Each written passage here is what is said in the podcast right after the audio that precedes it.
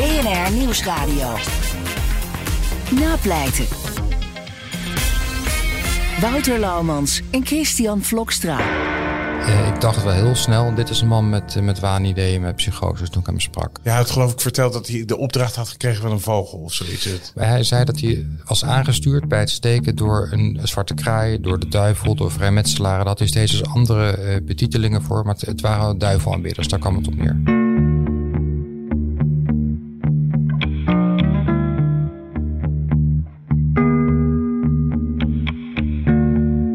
En welkom bij Napleiten, de podcast waarin we met advocaten praten over strafzaken die hen altijd zullen bijblijven.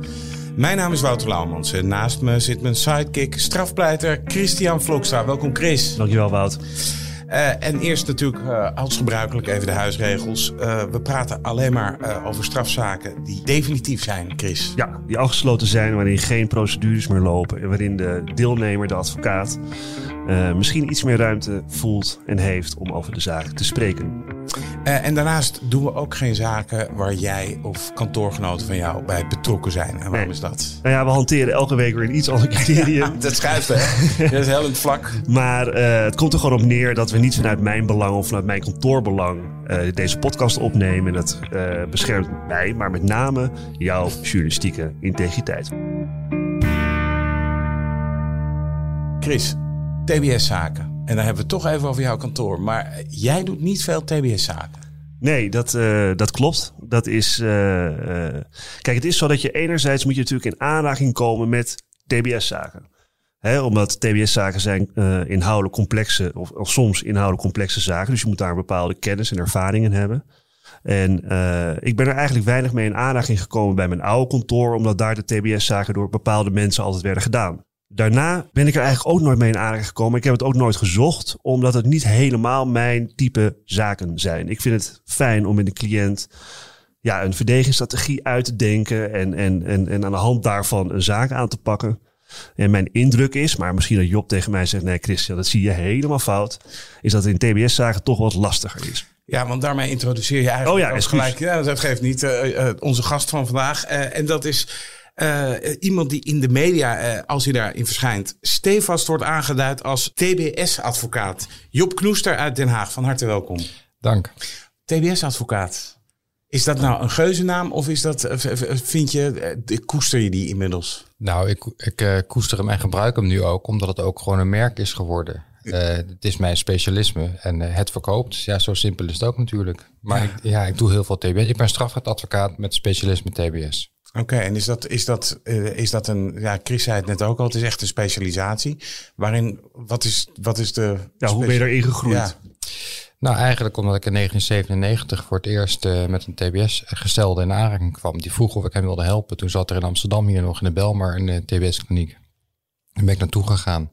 En het verhaal van die man, dat greep mij eigenlijk zoveel meer dan de, de grote drugsboer die ik op dat moment ook in mijn praktijk had zitten. En het verhaal achter deze, deze man, dat vond ik prachtig. En eh, ja, dat, vanaf daar is het gegroeid. Het werd een olievlek. En eigenlijk al heel snel werd het echt heel groot op mijn kantoor. Ja. Toen de tijd moet ik zeggen, was het ook wel in het land uh, blind is één oog koning. Hè. Er waren toen niet heel veel TBS-advocaten. Je had uh, Kees Corvinus, je had de Gebroeders Anker, maar daar was het toen wel mee gezegd. Inmiddels is dat wel wat anders. Ja. Ja, en misschien is het ook wel van belang om nog op te merken dat de TBS-praktijk, althans zoals ik hem ken, is wel een aparte praktijk. Um, omdat je hebt natuurlijk altijd de strafzaak, hè, waarin uh, TBS kan worden opgelegd aan iemand. Hè, TBS met dwangverpleging uh, met name.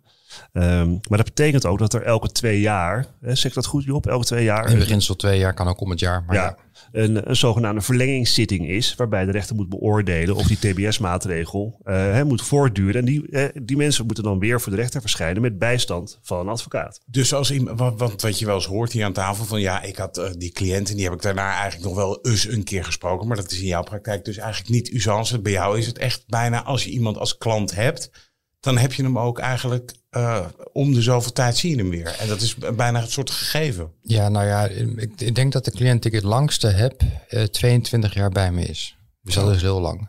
En ik, ik, mijn, ik zie het voor mezelf zo, ik zit aan de opleggingskant. Hè, dus ik doe heel veel zaken waarbij de vraag is wel of geen TBS. Dus nog een verdachte zaak. Of die verlengingsvariant. En dan in die categorie Er zit mijn kantoor op dit moment wel zo'n 20% van heel TBS Nederland. Dus dat is gewoon heel veel. Dus wij, uh, ja, we zijn er heel veel mee bezig. Ja. Uh, we gaan het hebben over de zaak van vandaag. En daarvoor moeten we terug naar bevrijdingsdag 2018.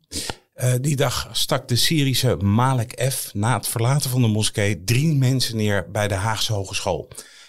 en daarbij riep hij Allahu Akbar. Uh, en nadat de politie hem neerschoot, werd hij opgepakt. Jij was uiteindelijk de raadsman van uh, Malik F. Kan je nog herinneren hoe, hoe de, uh, wanneer jij voor het eerst van die zaak hoorde? Ja, ga ik doen. Maar even één correctie meteen. Hij riep Allahu Akbar op het moment dat hij werd aangehouden en werd neergeschoten door de politie. En dat is wel cruciaal in deze zaak. Oké, okay, goed. Kijk, Kijk maar, dat, maar dat wat jij nu zegt, dat is eigenlijk wat ook in de media meteen rondging. Dat u ja. Akbar riep tijdens de steek. Dat is een groot verschil. Komen we straks misschien nog wel op. Zeker. Ik weet nog heel goed dat ik op deze dag in de tuin zat. Het was heel warm. Het was uh, 5 mei en ik zat uh, lekker te genieten van een drankje. En uh, ik kreeg het nieuws binnen. En eerlijk gezegd was mijn eerste reactie boosheid. Want ja, toen was toch wel vaker sprake van terreurdreiging. En ik heb ook een gezin met kinderen. En ik wil ook dat ze veilig op Hollenspoor, want daarachter gebeurt en overal kunnen rondlopen. Dus ik was kwaad. Ik dacht, heb je weer een terreurzaak? En, maar al vrij snel kwamen er ook berichten dat het misschien toch wel ging om een man met een psychische problematiek. En toen moest ik mijn eigen beeld ook meteen uh, bijstellen. Ja, want de burgemeester van uh, uh, Den Haag, Paulien Krieken, was er destijds eigenlijk, ja, dat is ook wel haar later een beetje verweten, als de kippen bij om te zeggen, joh, er was geen terror terroristisch motief in deze, in deze zaak. Ja, het was toen geen prettige tijd voor de burgemeester, want ze toen net de vuurwerkramp ja. in de Scheveningen uit de hand laten lopen. Dit kwam er eigenlijk heel snel, een paar maanden verderop, bovenop. En het opmerkelijke was dat OM wel juist meteen de kaart trok, want het is, het is terrorisme. En de burgemeester sprak er tegen. Ja. Grappig is, het is eigenlijk hetzelfde wat je toen hebt gezien met die man die uh, op het Centraal Station, weet je dat nog, in Amsterdam een aantal jaar geleden uh, was ingereden op, uh, op voetgangers. Ja. En waarbij ook meteen ja, de discussie kreeg van is er sprake van terrorisme of is er geen sprake van terrorisme. Um, terwijl natuurlijk in juridische zin, dat is natuurlijk ook lastig, hè, het terroristisch oogmerk. Uh, ja, dat vereist nogal wat onderzoek voordat je kunt vaststellen of iemand met een terroristisch oogmerk heeft gehandeld. Ja, ja, ja en dan zit hier toch ook een soort Archie Bunker, wat dat ben ik. En dan denk ik, ja, daar hebben we het weer. Een verwarde man en die uh, weet je wel. Ja, maar ik denk dat deze zaak, want ik heb deze zaak natuurlijk ook voorbereid, dat het, dat het, het, ja, misschien kunnen we het er ook wel over hebben met Job, want misschien heeft hij daar zelf ook wel ideeën bij. Dat het, het is deze zaak is, is mooi ook omdat het heel erg goed laat zien, zeg maar, de juridische werkelijkheid. Uh, de werkelijkheid in de maatschappij, uh, uh, de, het huidige tijdsgevricht, wat natuurlijk een rol speelt. Ja. En, en, en het onbegrip wat er is over, en ook de on. Ja, mensen weten natuurlijk ook gewoon veel niet over hoe het werkt juridisch met mensen met psychiatrische problemen. Maar goed, voordat we daar allemaal vooruit lopen. Ja. Hoe, hoe kwam, hoe kwam Malik even bij jou als klant? Hoe, hoe ging dat? Nou, ik ben gebeld door een advocaat. Die was benaderd door de familie van Malek. En die advocaat, die, uh, ja, dat was niet zo ingevoerd in, uh, in met name de psychische problematiek die wel werd vermoed op dat moment al. Dus, ze dachten dat dat meer een zaak voor mij zou zijn. Toen heb ik eigenlijk meteen ja gezegd. Maar op dat moment zat Malek nog wel in beperkingen. Dus die had een, een eigen toegewezen piketadvocaat. Jullie hebben eerder uitgelegd wat dat betekent, geloof ja. ik. Dus geen belletje, oké. Okay. uh,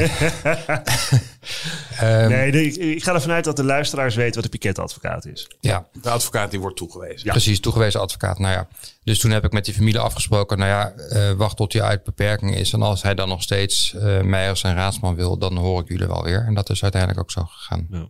En op welk moment werd jij benaderd? Was hij toen net aangehouden of was zat hij al wat langer vast?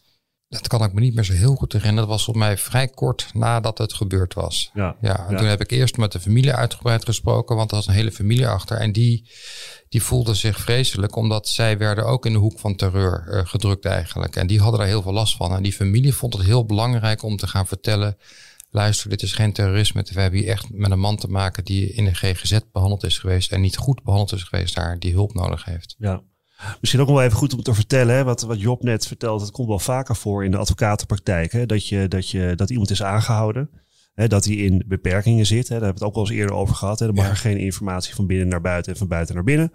Um, en dat je dan benaderd wordt door familie hè, of derde, maar in ieder geval meestal is het dan toch wel familie van wil jij, hè, we zouden graag zien dat jij die zaak wil doen. Um, maar die familie kan geen contact krijgen met die verdachte, want die zit in beperkingen. En jij als advocaat mag geen contact zoeken met die verdachte.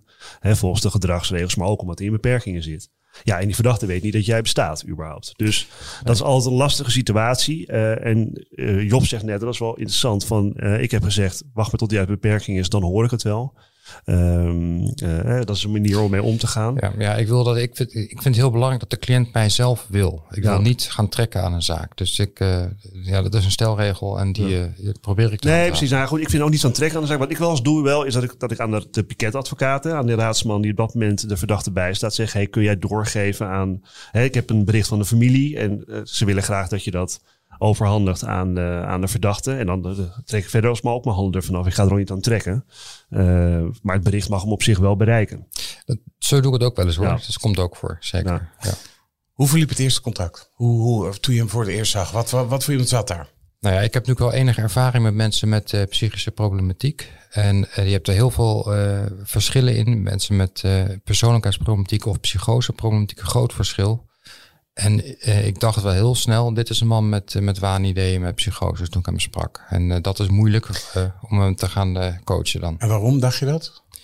Omdat hij uitspraken deed die gewoon van een andere realiteit waren. Dat was heel duidelijk. Dat had hij ook bij de recherche trouwens al gedaan, want hij was volop gaan verklaren met zijn eerste advocaat.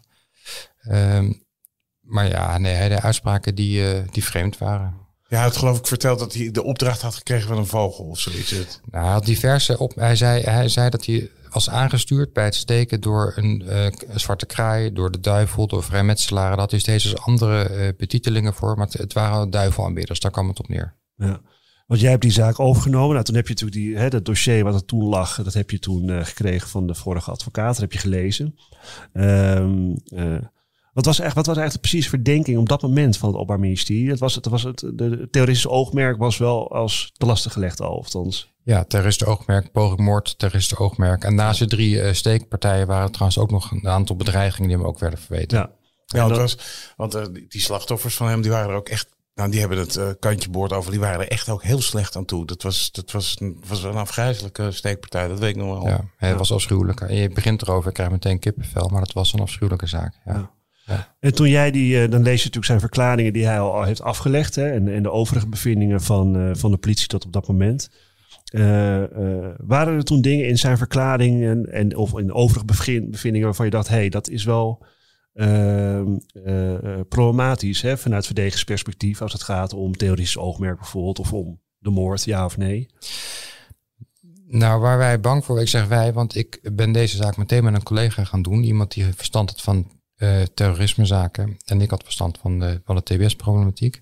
En wij, waar wij bang voor waren, was eigenlijk meteen al dat hij uitspraken deed eh, tegen een ra- geradicaliseerde achtergrond. Ja. Eh, dus dus Wat ja. bedoel je daarmee precies? Nou ja, ehm, hij eh, deed uitlatingen die ook sterk religieus waren. Ehm, hij deed uitlatingen over de jihad ook in, dat bleek later ook in telefoongesprekken met zijn familie.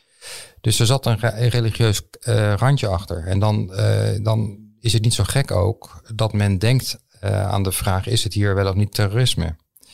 Alleen, eh, wat ook heel zichtbaar was, was dus de psychische problematiek. Overigens sluit dat elkaar niet uit, hè? Ernstige Nee. psychische problematiek en terrorisme. Maar ja, wij wilden dat er graag van af hebben. Ook omdat de cliënt dat graag wilde. Die vond zichzelf geen terrorist. Ja, want als je zo eventjes kijkt, hè, eh, we hebben het hier over iemand die gevlucht is uit Syrië. We hebben het hier over iemand die, die uit de moskee kwam. eh, en die drie mensen heeft neergestoten. Dat, hè, voor, voor de buitenwacht was, was dat natuurlijk ook eh, waar we tegenaan keken eigenlijk. Ja. Ja. Als jij die vraag stelt, dan, dan moet ik er wel haast op reageren met een ingewikkeld juridisch onderwerp. Kijk, Ja, het terrorisme, denk aan Mohammed B., die, eh, die Van Gogh neerstak. Dat, dat, dat is een heel groot verschil. Wat die Mohammed B. had gedaan, die had niet alleen Van Gogh neergestoken, maar ook, het is een afschuwelijk detail, maar met een mes een, eh, een, een formulier of een brief op, eh, ja met een bedreiging. Met bedreigingen aan de Nederlandse samenleving. En dat is het verschil met de zaak van Malek. Dat uiteindelijk de rechtbank en ook later het Hof heeft gezegd... hij had niet de bedoeling om ook de samenleving als geheel vrees aan te jagen. Maar hij werd aangestuurd door de duivelbieders in zijn beleving. En hij wilde dus eigenlijk de duivelbieders ontvluchten door, eh, door naar de islam te gaan. Want wat was zijn achtergrond precies? Hè? Want ik, ik noem net, hij is een Syrische vluchteling. Heb jij dan, verdiep jij daar dan, dan ook echt in de, in de, ja, de achtergrond van zo iemand? Wie heb ik hier eh, voor me zitten? Altijd vind ik dat heel belangrijk, zeker in mijn, eh, in mijn soort strafzaken.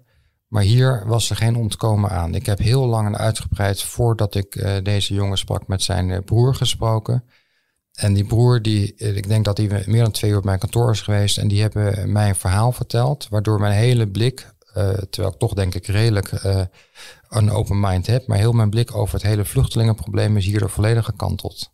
En want ik zag ook bijvoorbeeld in de jaren voordat dit gebeurde op tv de vluchtelingen komen. En dan tot mijn verbazing toch ook wel vaak heel veel mannen die in een boot zaten en uh, aanspoelden op de Middellandse Zee. En ik, ik vroeg me er toch wel weer af, waar zijn dan die vrouwen en kinderen? Waar, ik bedoel, als je gaat vluchten, dan is dat toch de zwakke categorie.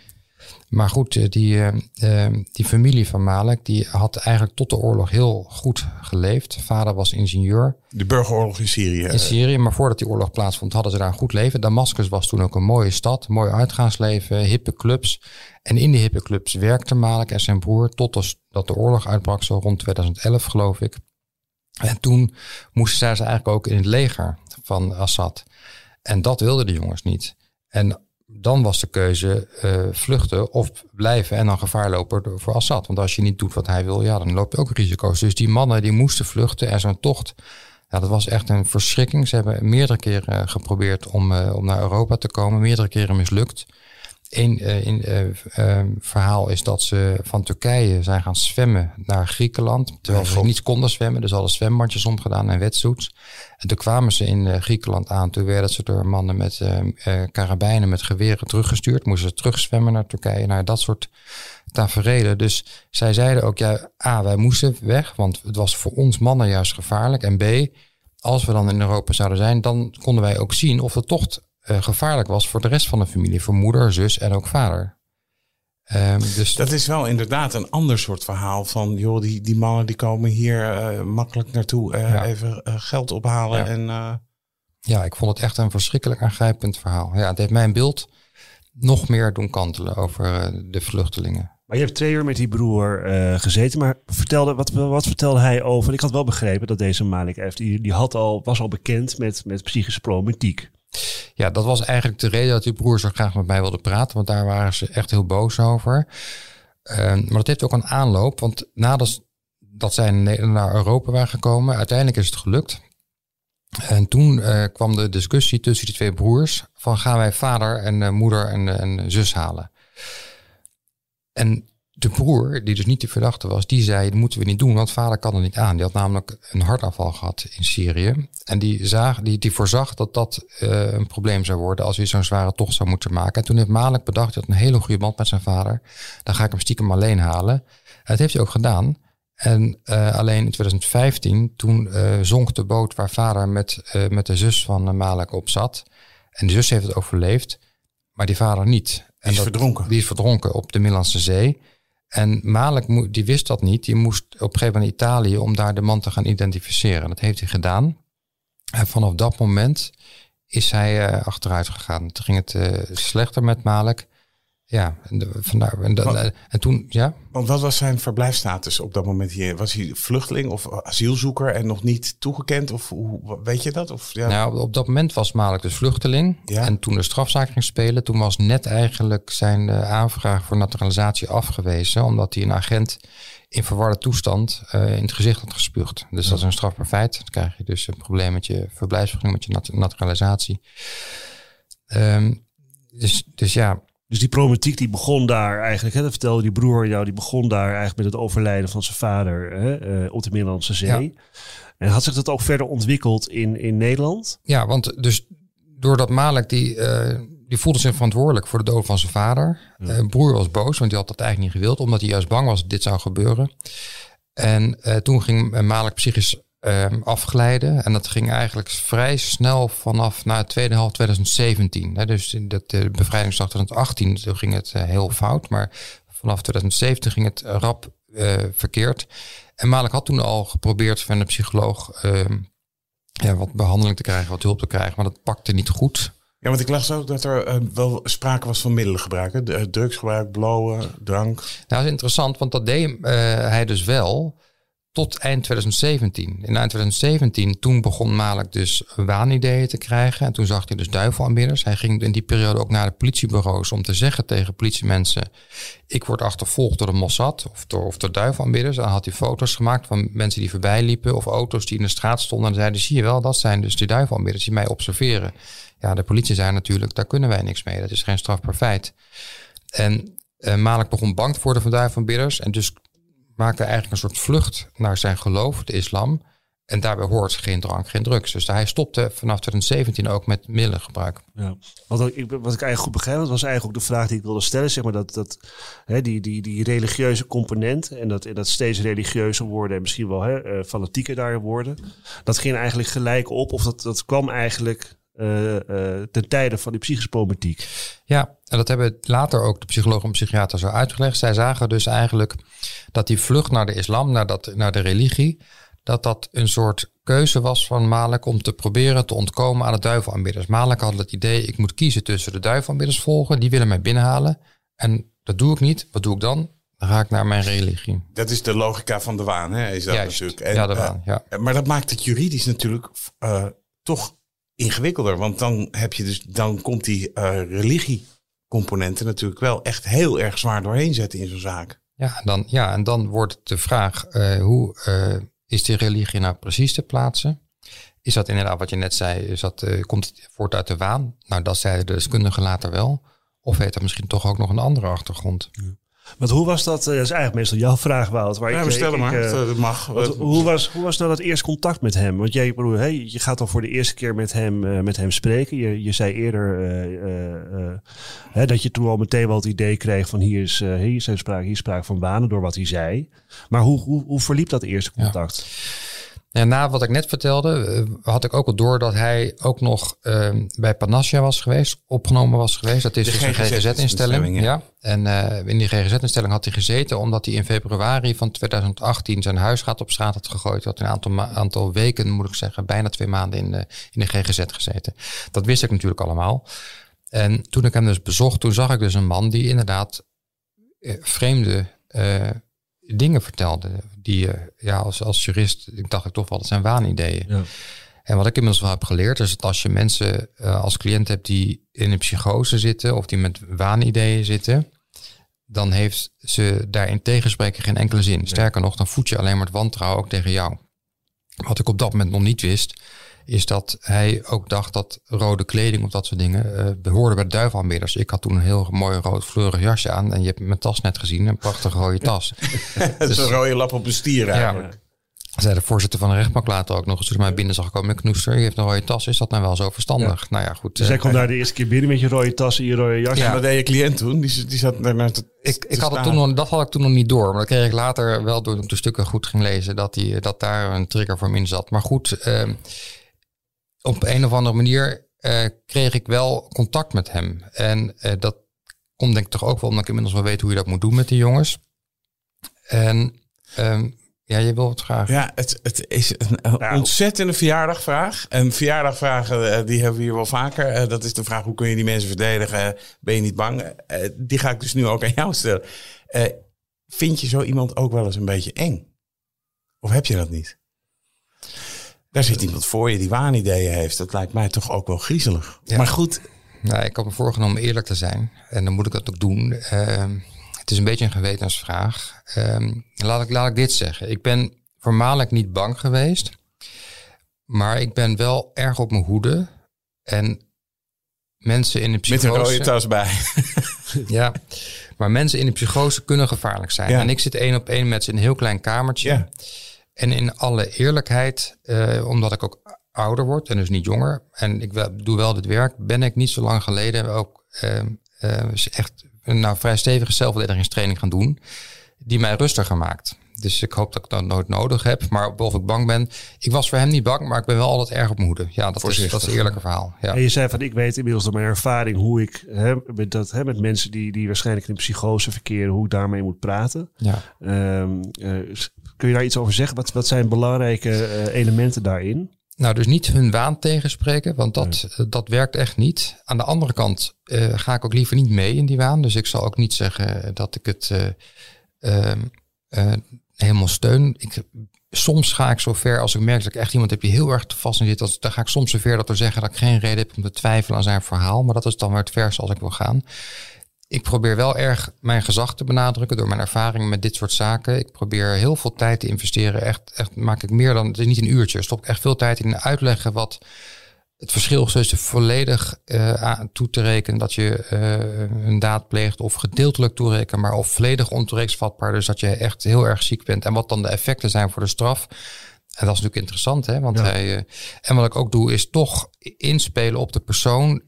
dit was, hij was psychotisch, dat was wel duidelijk, denk ik, maar hij was, het was geen domme jongen. Dus daar maak ik ook gebruik van door, door het aan te geven bij hem. Je bent een slimme jongen. En dan begrijp je ook wel um, het verschil tussen volledig ontoerekeningsvatbaar, gedeeltelijk toerekeningsvatbaar, dat soort dingen. Ja, maar dit, is, maar dit, is, dit klinkt bijna meer als, het, als, als een soort uh, een gesprek wat een therapeut heeft. Uh, herken jij dit van, van de klanten die jij in je praktijk hebt, Chris? Nou ja, goed, kijk, als je het heel technisch bekijkt. Kijk, ik bedoel, als je, de, als je deze zaak bekijkt, dan is hier sprake van iemand die verdacht wordt en het ook erkend heeft. Hè, dat, hij die drie, dat hij drie mensen in ieder geval om het leven heeft proberen te brengen en bedreigingen heeft geuit. En het bewijs is er al over heeft bekend. Um, te lastig gelegd was drie keer poging moord met theoretisch oogmerk. Um, en hè, de indruk is dat hij in ieder geval stevig psychisch problematiek heeft. Nou, dat, dat, heeft een enorme invloed op zo'n zaak. In die zin, hè, het heeft invloed op een aantal belangrijke rechtsvragen die in zo'n zaak spelen. Is er sprake van opzet? Is er sprake van voorbedachte raad? Is er sprake van theoretisch oogmerk? Um, uh, en kan het feit, hè, wat je ook bewezen verklaart, uh, aan degene worden toegerekend of verminderd worden toegerekend of helemaal niet worden toegerekend. Waardoor bijvoorbeeld een straf, maar wel een TBS-maatregel, uh, uh, of een straf niet mogelijk is, maar een TBS-maatregel niet. Dat gezegd hebben, naar Job. Uh, want het gaat natuurlijk om jou. We moeten natuurlijk niet zelf te veel aan het woord zijn, wat ons wel eens verweten wordt. Maar ja, goed, het is onze show. Um, um, jij hebt het dossier gelezen. Nee, maar dat vind ik een interessante vraag. Jij hebt het dossier gelezen. Hè, wat je dat dan toe hebt. Je hebt met hem gesproken, de eerste keer of twee keer. Um, en dan kom je natuurlijk, denk ik, als advocaat tot een bepaalde strategie. Hè? In de zin van wat ga ik doen in deze zaken, wat wil ik bereiken in deze zaak. Uh, en dat moet je ook overleggen met je cliënt. Wat natuurlijk met iemand hè, met, met, met problematiek lastiger is dan iemand die helemaal uh, compostmentus is, ja. zeg maar. Um, dus wat was je strategie? Wat, wat, hè? En, en hoe heb je dat met hem besproken? Ja, nou ja, jij noemt in één zin eigenlijk een heleboel dingen die in deze zaak speelden. Ja. Eigenlijk speelt er in deze zaak zoveel dat we het vandaag niet allemaal gaan bespreken. Nee, Denk moet, daar dat, dat lukt ook niet. Die illusie nee. maar, we ook niet. Uh, we hadden, ik heb dit met een collega meteen opgepakt. Een jongen die was afgestudeerd op terrorisme. En we hadden meteen een paar bullet points. Wij wilden van die voorbedachte raden af. Maar we zagen ook, dat wordt wel lastig. We wilden in ieder geval van één bedreiging af. Want daar, zag, daar zagen we kansen. Um, we wilden uh, geen gevangenisstraf. Maar we wisten ook dat TBS ontlopen eigenlijk wel heel lastig ging worden. Hoewel er allemaal problemen speelden. Maar toch, we gingen vanuit. Dus volledig ontoerekeningsvatbaar. Dat was wat we een uh, goed resultaat voor onze cliënt zouden vinden. Ja. Um, en wat een vraag voor ons was, die we laten laten liggen om, om, uh, uh, strategische redenen ook. heeft de politie te veel geweld gepleegd? Want die hebben acht keer op hem geschoten, terwijl ja. hij ook op de grond lag. Ja. Even de eerste vraag. de voorbedachte raad. Uh, wat, wat, hè, want wat ik er nog van weet, hè, iemand die in het wilde weg uh, om zich heen steekt, nou, dat, dat wijst bij mij niet per direct op voorbedachte raad een tegendeel. Wat werd er, wat werd er uh, tegen hem ingebracht om te spreken voor voorbedachte raad? Ja, ik ben het om te beginnen niet eens met dit onderdeel van het vonnis het arrest. Ik weet dat mijn mening niet past bij de staande rechtspraak, maar ik vind eigenlijk... Het heet napleiten, hè? Het, is, het mag. Ja, daarom. Nou, ik vind eigenlijk dat je mensen met een psychoseproblematiek niet te snel de voorbedachte raden moet, uh, moet opleggen bij zo iemand. Ik heb nog een paar zaken lopen waar het gaat spelen, maar... Um, ja, We kijk, gaan niet voorpleiten. Nee, dus ik, zal, ik zal het ook niet doen. Um, maar de rechtbank heeft uiteindelijk, en Troffen ook wel gezegd, ja, hij had een paar dagen voordat dit misging een mes gekocht. En hij was een paar keer eerder ook bij een kerk in Den Haag geweest met de bedoeling om de duivel inmiddels wat aan te doen. Dat was ja. zijn. Uh... Ja, er is ook nog een verhaal over een briefje, een brief die, die uh, gestuurd zou zijn naar de politie of van joh, deze Malik F die is een uh, terreurdaad aan het voorbereiden. Ja, maar die brief die was geschreven op het moment dat Malik in de GGZ-instelling zat. Aha. Dus wij daarvan hebben, we wisten ook niet van wie de brief afkomstig was. Wij hebben dat wel gevraagd. OM trouwens ook. We wilden graag weten van wie komt die brief. Maar ja, als je die schrijft op een moment, althans die werd toen afgeleverd bij de politie als dat hij in een GGZ-instelling zit, ja, ik weet dat had niet serieus genomen door ons niet, door het OM ook niet. De rechtbank heeft dat ook niet gebruikt. Nee, nee, oké. Nee. Wat werd er, wat werd er eh, ten grondslag gelegd aan het theoretisch oogmerk? Zijn radicalisering speelde een rol. Dat is op zichzelf niet genoeg om eh terroristisch oogmerk aan te nemen. Want dan moet ook echt de bedoeling hebben bestaan dat hij de samenleving angst wilde aanjagen. Ja. Maar het OM eh, was heel in de eerste aanleg bij de rechtbank, moet ik zeggen. In hoger beroep heeft OM daarvan afgezien. Toen hebben ze vrijspraak gevraagd voor terroristisch oogmerk. Maar bij de rechtbankprocedure heeft OM gezegd er is sprake van takia. Wat is takia? Takia is dat ehm, ehm, mensen met een religieuze, re- religieuze achtergrond eh, die religie proberen onder het tapijt te stoppen om de rechter en de anderen voor de gek te houden. Om daarmee te verbloemen dat ze wel degelijk terroristische, oogmerken hebben. Ehm, en dat is ook wel eens gebeurd in het verleden. Dus dat zei het OM ook. Het OM had hier een hele ervaren officier van justitie opgezet die, eh, die alles wist van Takia. Alleen de feiten in deze zaak wezen daar wat ons betreft niet op. Nee. En kon je dat met hem bespreken?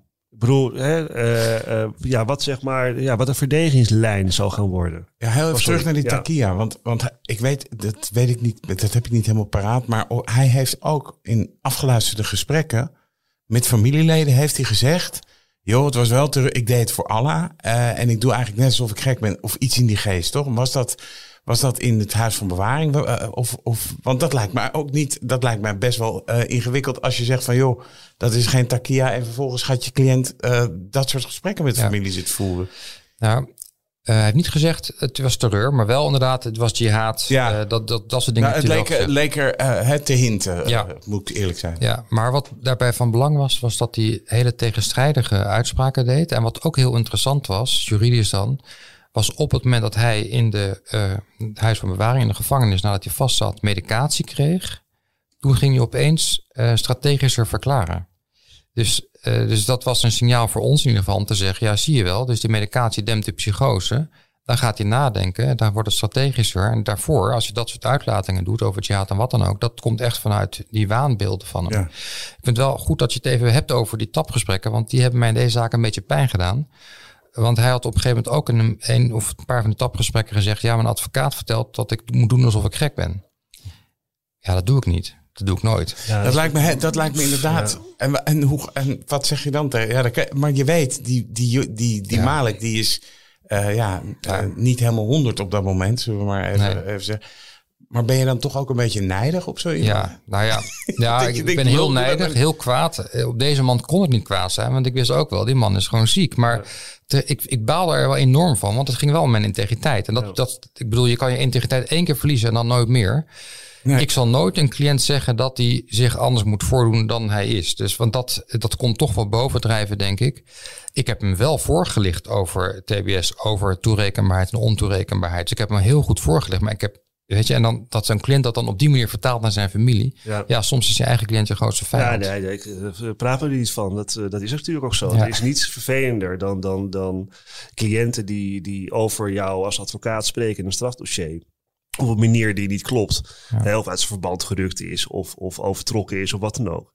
Eh, terwijl je weet dat het dossier wordt gelezen door, hè, door de officier, door rechters, door Precies, de vier, dat, door een ja. rechtercommissaris. Ja. Ja, en het is heel lastig om als advocaat dan te zeggen... ja, meneer de voorzitter, ik wil nog één opmerking maken. Eh, Mijn cliënt zit- kletst uit zijn nek op dat er zit- punt. Ja, weet je, dat, dat Ja. is gewoon heel lastig wat dat betreft. Eh, Ja, ik heb dus- het wel gedaan hoor. Is heel stevig ook. Ik heb Oh, een ja? stelling. Ja, ik heb, wat dat betreft, dan vind ik ook echt, ja, sorry hoor, maar dit, dit, dit was voor mij en eh, hier moet ik even duidelijk maken dat wij zo niet werken. Nee. Dus dat, eh, nou ja, het is natuurlijk ja. ook wel, dit, dit raakt natuurlijk wel de essentie van zijn specialisme en van zijn werk binnen dat specialisme. Dus dat, dat is natuurlijk ook heel, eh, eh, ja, ik zou er ook wel tegen in het geweer komen. Maar het komt wel vaker voor dat er ja, dingetjes in tabs of, in, of wat dan ook zitten. Waar je denkt, hmm, had ik liever niet gezien. Maar Ja. goed.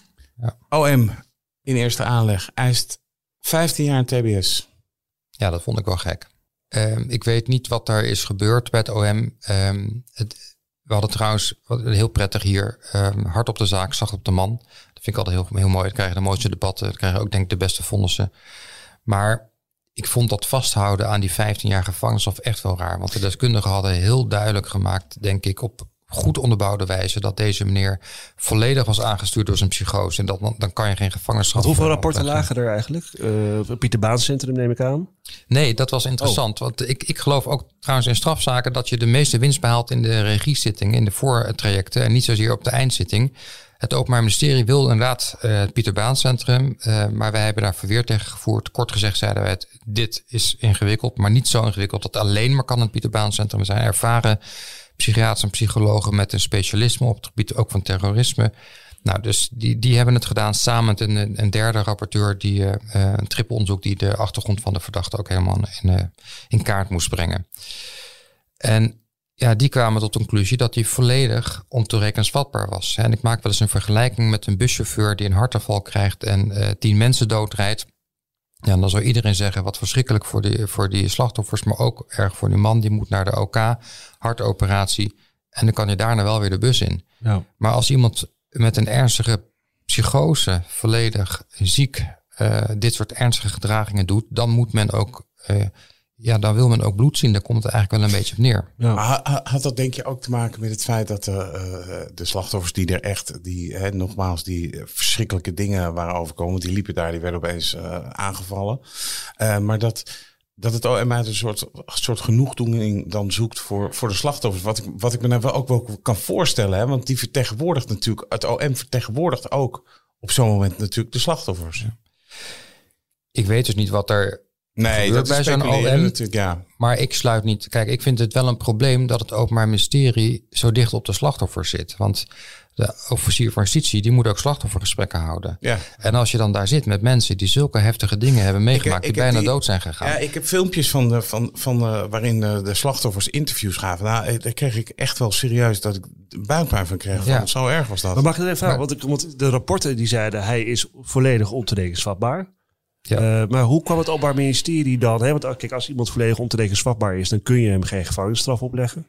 Maar hoe kwam het Openbaar Ministerie dan tot de stelling dat er geen sprake was van volledige ontoerekeningsvatbaarheid? Nou, een belangrijk element daarin was waar we het net over hadden, die takia. Dus de OM zei onder andere, ja, hij heeft iedereen voor de gek zitten houden om maar die eh, religieuze achtergrond eh, te verbloemen. Ehm, hij is helemaal niet ziek. Nee. Dus hij houdt de mensen voor de gek. En de- er waren ook wel rare dingen die hij zei. Alleen hij zei zoveel rare dingen dat, dat je er ook geen pijl op kon trekken. Waarvan de deskundigen overigens ook zeiden. eh, als iemand in wanen zit, dan kan die ook waarschijnlijk soms ook normale dingen doen of normale dingen zeggen. Die ook berekenend kunnen overkomen, maar die kunnen volledig uit de waan voortkomen. Ja. Ja, het OM. Kijk, het is ook moeilijk te verkopen hè, als iemand zoiets heftigs doet, om dan te zeggen, ja, laat je maar. krijgt geen straf. Ja. Nou ja, niet, het is niet Ja, laat maar. hè, want ik denk dat deze maar, jongen, kijk, met zo'n TBS-maatregel, of die überhaupt ooit daarvan los en vrij gaat komen, dat is nog maar zeer de vraag. Ja. Dus het is echt heel, heel lang, misschien levenslange vrijheidsbeneming. Ja. Dus het is niet laat, maar alleen de samenleving denkt dat wel. ja. Ja. Maar het Openbaar Ministerie ging ook uit van een theoretisch oogmerk bij de, bij de rechtbank. Eh, Maar in het vonnis. werd er korte metten meegemaakt. Ja, daar werd wel korter met hem meegemaakt. En dat was eigenlijk, hè, dat was gewoon TBS.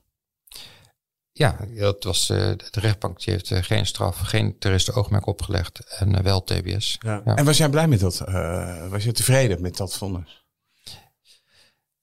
Nou, moet ik weer eerlijk zijn. Ja. Ehm, Altijd eerlijk zijn.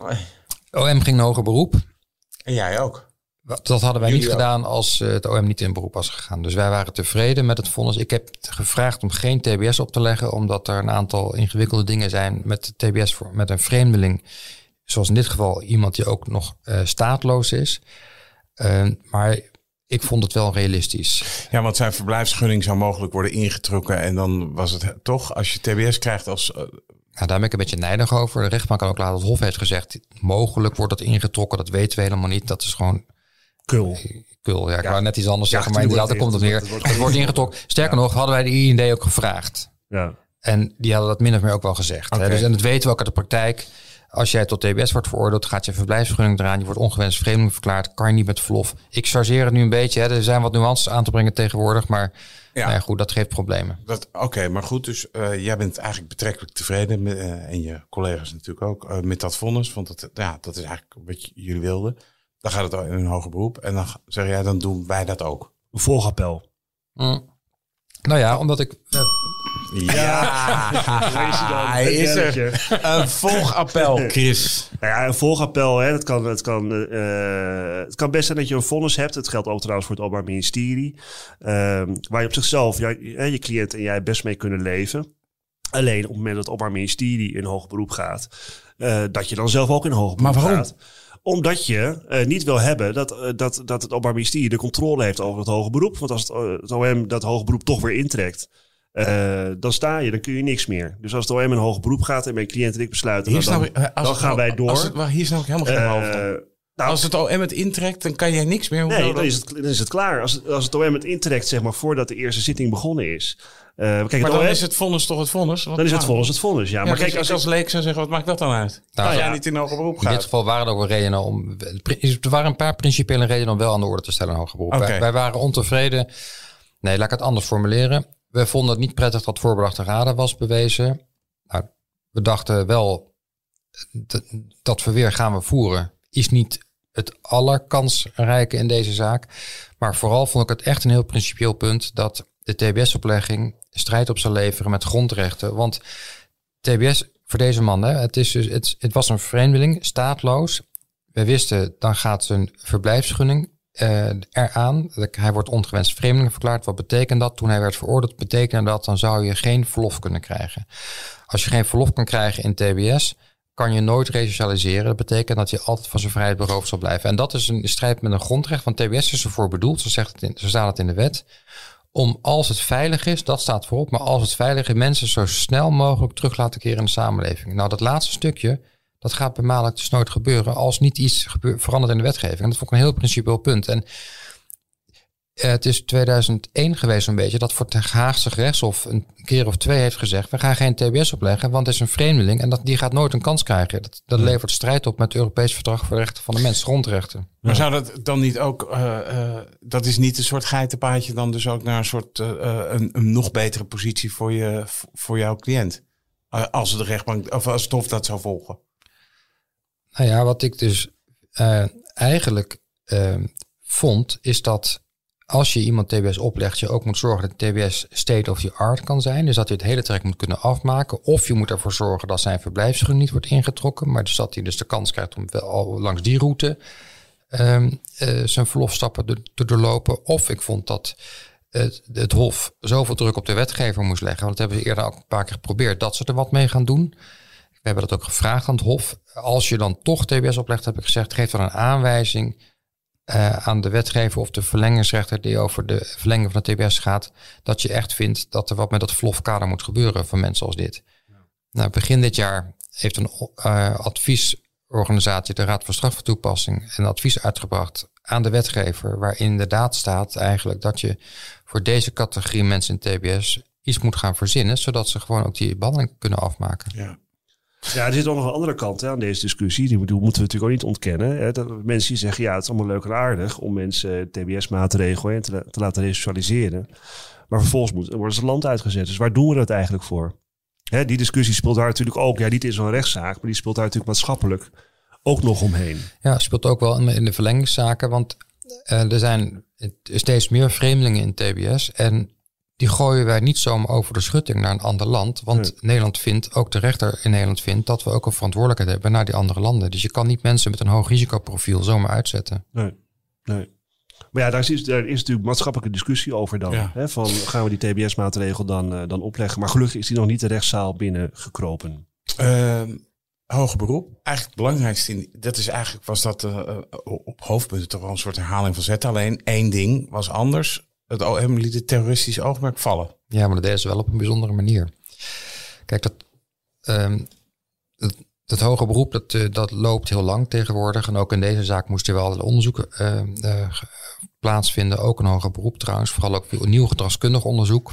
Op dat front wilde het Openbaar Ministerie trouwens andere psychologen, andere psychiater. Maar ja, wij waren best wel blij met de psychiater en psycholoog in eerste aandacht. We hebben erg hard op zitten pleiten.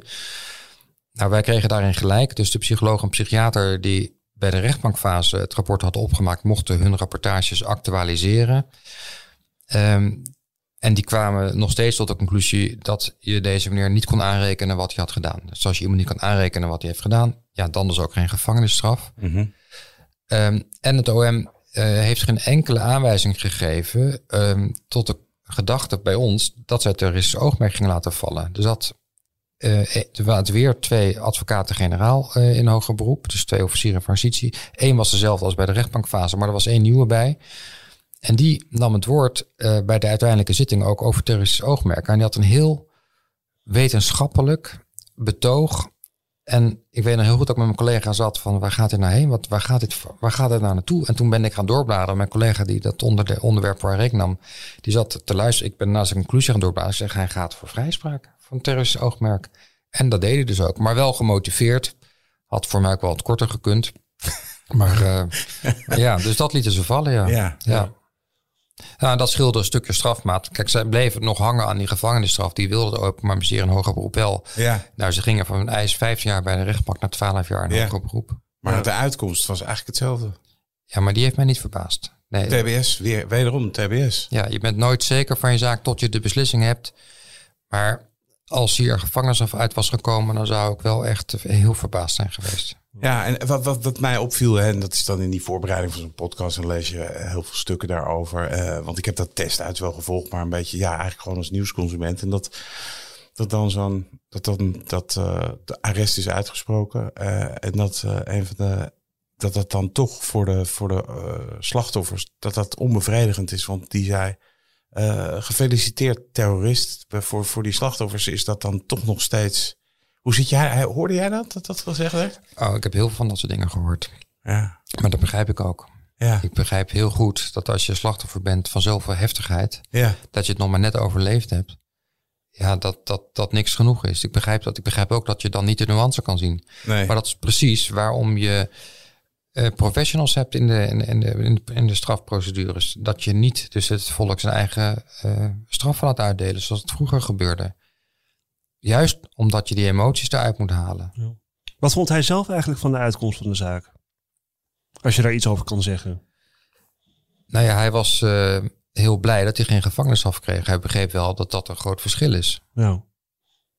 Hij eh, zit nu te wachten op een plek in een TBS-kliniek. En ik moet eerlijk zeggen dat ik niet weet of hij goed kan overzien waar hij nog allemaal tegenaan gaat lopen. Nee. nee. Wat ik heel slecht vind overigens, is dat hij heeft eigenlijk vanaf dag één dat hij vast zat, totdat, want het OM heeft nog even cassatie ingesteld, dat hebben ze later weer ingetrokken, dus die wilde het aan de Hoge Raad voorleggen, maar hebben toch later eh, bedacht, nee, dat, dat gaat hem niet worden. En toen dat definitief was, toen pas werd hij van een speciale terroristenafdeling in Vught overgebracht naar een gewone eh, afdeling. Oh, hij zat echt eerst tussen de terreurverdachten. Ja, en dat vind ik heel slecht, want wat je dus, je zag het ook, ook in de rapportages trouwens die hoger beroep zijn opgemaakt. Je hebt het over iemand met een psy- eh, psychoseprobleem, eh, beïnvloedbaar, psychisch kwetsbaar. Wat deed hij bij tussen al die mensen die in die terrorismehoek zaten in het huis van bewaring? Praten met de jongens als hij Ja. de kans kreeg en luisteren naar de jongens. En hij werd steeds radicaler. Ja. Dus Onbegrijpelijk. Ja. Onbegrijpelijk dat ze hem dan daar plaatsen. ja, Nou ja, Kreeg hem eh, eh, onbegrijpelijk. Ik, als je denkt dat het een terrorist is. Ja, maar hij was vrijgesproken bij, de- van de, van terrorist ogenmerk bij de rechtbank. hè? Ja, nou, ik heb het over gesproken met, eh, met de directie ook een Vught. Maar het alternatief is ook lastig. Want als je dus iemand eh, met de ge- geradicaliseerde ideeën tussen gewone gedetineerden Ja, zet, nee. dan loop je weer het risico dat je de gewone gedetineerden gaat beïnvloeden. Dus het is niet een een, een, eenvoudig dilemma. Sorry, ja, ik schreeuwde weer te makkelijk. Ja, dat is ja, dat, makkelijk. eh, Ja, moeten ik streng wel een beetje op blijven letten. volgens mij. Nee, Maar, ja. nee. Maar jongens, weet je, deze zaak, we hebben eigenlijk nog niet eens de helft besproken volgens Nee, mij. nee, Eh, nee. Want er zitten zoveel interessante componenten aan. Misschien moeten we hier eens een keer eh, nog eh, een thema-uitzending aan wijden. Ontzettend bedankt voor, eh, voor je komst. eh. hoe gaat het eigenlijk met... eh, Dus Malik, die komt nu om de twee jaar weer bij jou. Dan eh, gaan we steeds opnieuw naar de rechter die over verlenging gaat. Ja. Ja, Maar ja, die behandeling moet nog starten dus. die moet nog starten. Dus dat is ook waarschijnlijk een cliënt die je nog vaak eh, zult spreken. Ik hoop dat hij mijn pensioen niet meemaakt. Nee. Oud ben je eigenlijk nu dan? 53, maar eh, dat zou je niet zeggen. Nogmaals dank voor je komst, eh, Job Knoester. Dit was Napleiten. Eh, mocht u het vonnis en het arrest willen nalezen, dan kan het op rechtspraak.nl. Mijn naam is Wouter Laumans en naast me zit co-host advocaat Christian Vlokstra. Deze podcast is te beluisteren op Apple Podcasts en Spotify. Vergeet u vooral niet te abonneren, dan bent u op de hoogte als er een nieuwe aflevering online staat. Verder zijn we uiteraard te volgen op Twitter en Instagram. Dank voor het luisteren en graag tot de volgende keer.